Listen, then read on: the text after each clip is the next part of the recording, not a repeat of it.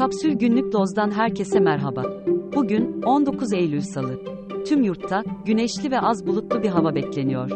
Hava sıcaklıklarında önemli bir değişim öngörülmüyor. Şimdi haberler.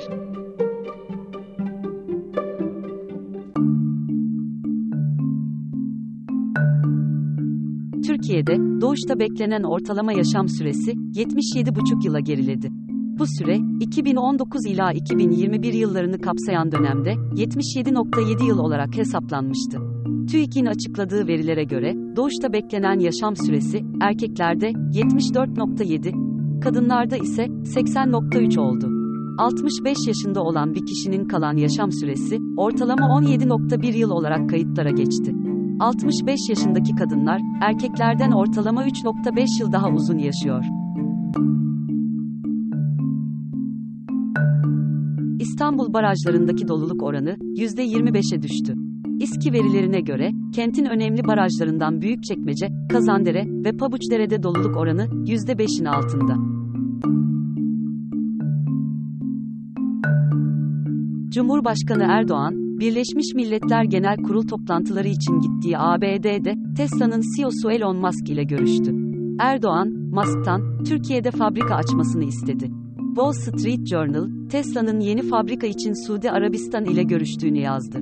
Erdoğan ile Musk'ın buluşmasının ardına rastlayan habere göre, bu görüşmelerin olumlu sonuçlanıp sonuçlanmayacağı belirsiz. Antalya'daki tatilleri sırasında taş toplayan Belçikalı çift, ülkelerine dönmek için gittikleri Antalya Havalimanı'nda, tarihi eser kaçakçılığı şüphesiyle gözaltına alındı. Üç parça taşı, evlerindeki akvaryuma koymak için aldıklarını söyleyen çifte, arkeolojik inceleme sonuçlanıncaya kadar, yurt dışına çıkış yasağı getirildi. Friglerin başkenti Gordion, UNESCO Dünya Mirası listesine kaydedildi. Ankara'nın Polatlı ilçesinde yer alan bu antik kentle beraber, Türkiye'nin listedeki varlık sayısı 20'ye ulaştı.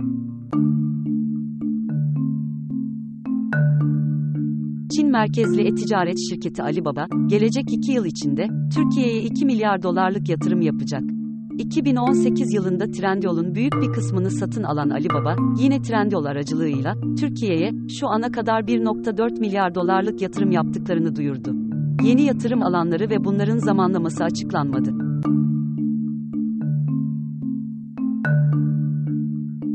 Almanya'da gelecek yıl başlatılacak pilot projeyle en az 50 şirkette haftada 4 günlük mesai sistemi denenecek.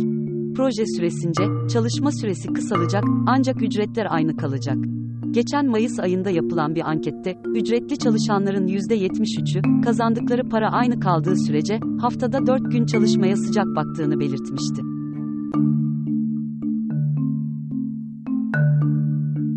ABD ordusu, Güney Carolina eyaletinde, bilinmeyen bir nedenle düşen F-35 savaş jetini bulmak için, halktan yardım istedi. Arama çalışmaları, Kuzey Charleston şehrinin kuzeyindeki iki göle odaklanmış durumda. Pilot, kaza sırasında kendisini fırlatarak kurtulmuştu. Konu hakkında soruşturma başlatıldı, ancak halktan yardım istenmesi, tartışmaları da beraberinde getirdi. Zira F-35 jetlerin, dünyanın en gelişmiş teknolojisine sahip olduğu biliniyor.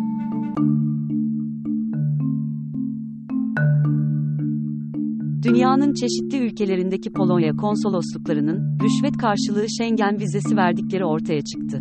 Buna göre 2021'den beri en az 250 bin kişiye 5 bin dolar karşılığında vize kolaylığı sağlandı. Bu vizeyi alanların bir bölümünün ise daha sonra Meksika'ya giderek ABD'ye kaçak yollarla giriş yaptıkları da belirlendi. Konu hakkında suç duyurusunda bulunulan 7 kişiden 3'ü gözaltına alındı. Soruşturmanın merkezinde, Dışişleri Bakanı Zhang Yurao ve yardımcısı Piotr Worzak bulunuyor. Olayın ortaya çıkmasının ardından, intihara teşebbüs eden Worzak, bir klinikte tedavi görüyor.